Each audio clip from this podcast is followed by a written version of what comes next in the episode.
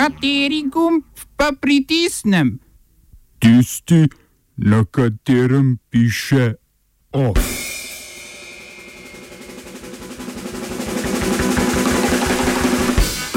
Francoski nudisti proti savdskemu kralju. Francoski predsednik Hollande pa proti nedemokratični evroskupini. En dan pred volitvami propad pogajanj glede politične krize v Burundiju. Konec imunitete za bivšega čadskega diktatorja Hambreja.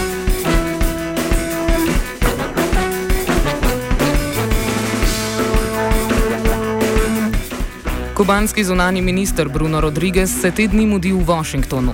Tam bo prisostoval ceremoniji dviga zastave na prenovljenem kubanskem veleposlaništvu. Z današnjim dnem je namreč v veljavo stopil dogovor, s katerim sta državi uradno obnovili diplomatske odnose in svoji predstavništvi nadgradili v polni veleposlaništvi. Dvig zastave na ameriški ambasadi v Havani bo sicer moral počakati do avgusta, ko bo državo obiskal ameriški zunani minister John Kerry.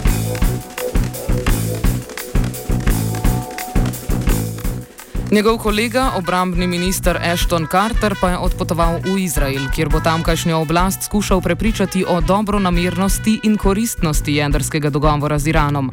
Prisluhnimo njegovim argumentom.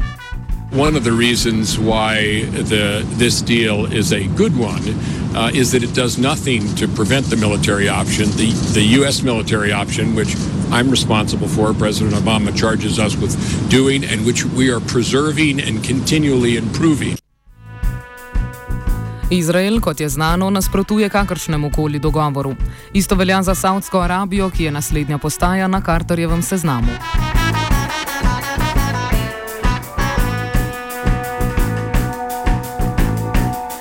Saudski kralj Salman pa bo te dni odpotoval na dopust na francosko Azurno obalo, kjer ima svojo vilo. Lokalno prebivalstvo protestira, saj bo zaradi obiska zaprt kilometr dolg odsek plaže, ki vključuje tudi javno plažo, med drugim tudi nudistično.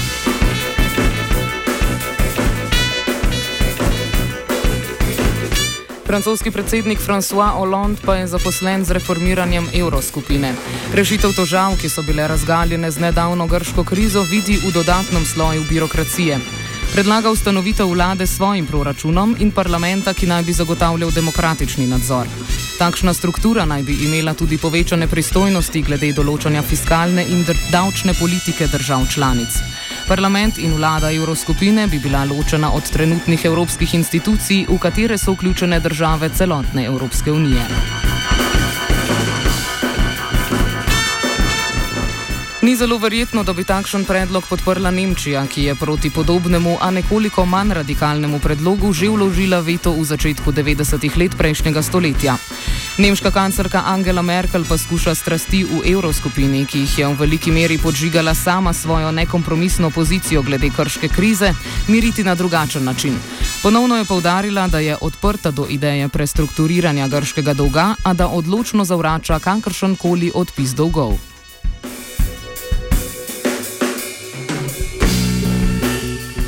Nujo polajšanju dolžniškega premena za Grčijo je povdarila tudi direktorica Mednarodnega denarnega sklada IMF Kristin Lagarde. Opozorila je, da ukolikor ne bo prišlo vsaj do restrukturiranja dolga, IMF ne bo prisostoval pri nadaljni pomoči Grčiji. Ostre besede direktorice mednarodne institucije, ki jo v največji meri financirajo Združene države Amerike, morda nakazujejo na povečan pritisk ZDA glede reševanja grške krize.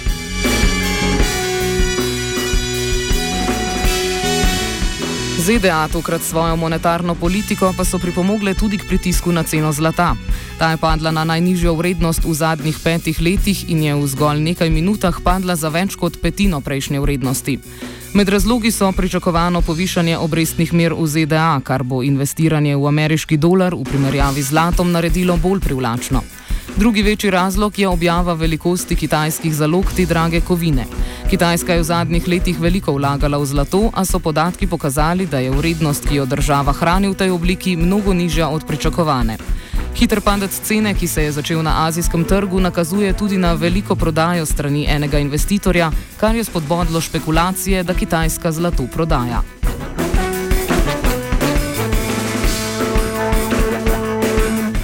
Padec cen zlata bo nedvomno negativno vplival tudi na gospodarstvo Burundija, kjer približno 40 odstotkov izvoza predstavlja prav ta rudnina.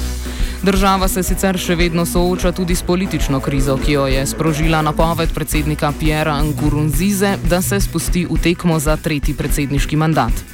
Pred volitvami, ki so na sporedu jutri, je regionalna organizacija Vzhodnoafriška skupnost skušala situacijo razrešiti s pogajanji. A se vladna stran na njih ni prikazala, saj naj bi opozicija po njihovih besedah oblast želela prevzeti z državnim udarom.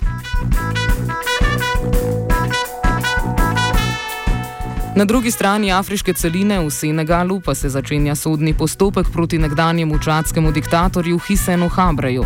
Obtožen je vojnih zločinov, zločinov proti človeštvu in mučenja med vladavino, ki je trajala od leta 1982 do 1990. Gre za prvi primer, v katerem se bivšemu voditelju ene afriške države sodi v drugi glede zločinov nad svojim prebivalstvom povzročenih zunaj države sojanja.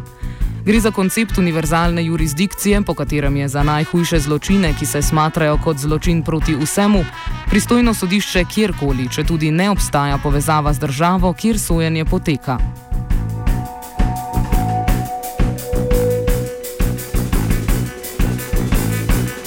Podobnih težav morda ne bo imel severnokorejski vrhovni voditelj Kim Jong-un. V Demokratični ljudski republiki Koreji so te dni potekale lokalne volitve, na katerih je bila udeležba kar 99,7 odstotna. Voljivci sicer niso izbirali kandidatov, temveč so z oddajo glasovnic zgolj izrazili podporo vnaprej izbranim predstavnikom delovnega ljudstva.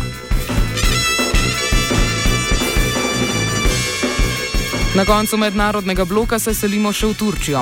V obmejnem mestu Suruč, ki meji na sirsko mesto Kobane, se je razstrelila samomorilska napadalka. Napad se je zgodil na zborovanju Federacije socialističnih mladinskih zvez.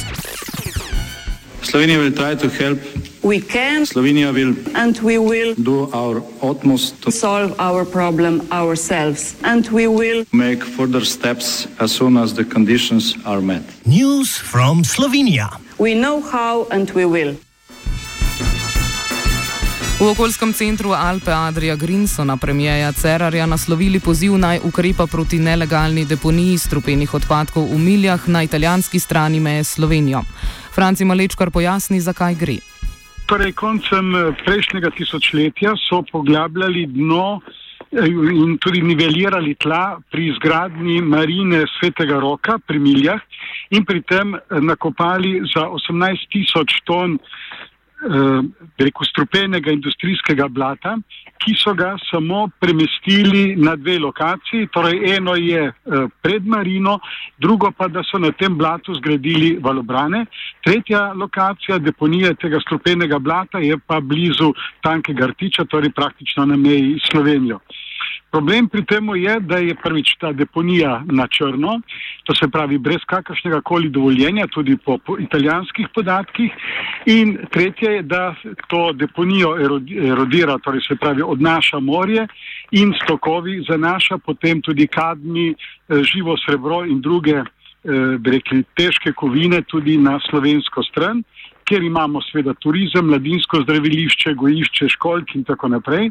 In jaz mislim, da eh, škodi tako tistim, ki živijo v morju, kot tistim, ki živijo od morja, torej turizmu. Si predstavljate, da bi nekdo v Nemčiji slišal, da se bo kopal ob eh, deponiji eh, kadmija in živega srebra. Eh, no, eh, proti tem je že ukrepalo tudi Evropsko sodišče in sicer kar trikrat, leta 2007, 2008 in 2014, vedno razglasilo, da Italija, Italija more to odstraniti, celo naložilo kazen v višini 80 milijonov lir in pa dnevna kazen do izvedbe tega odstranitve tega skoraj 300 tisoč evrov na dan.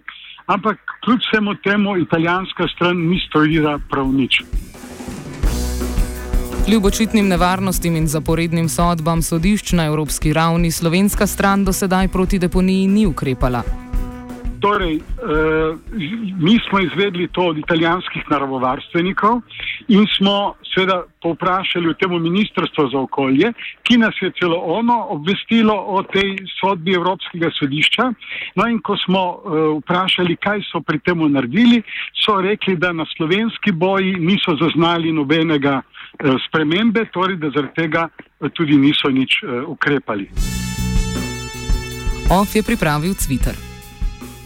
Svetlo na radiju, študent ni nič, nič, um, nič resnega.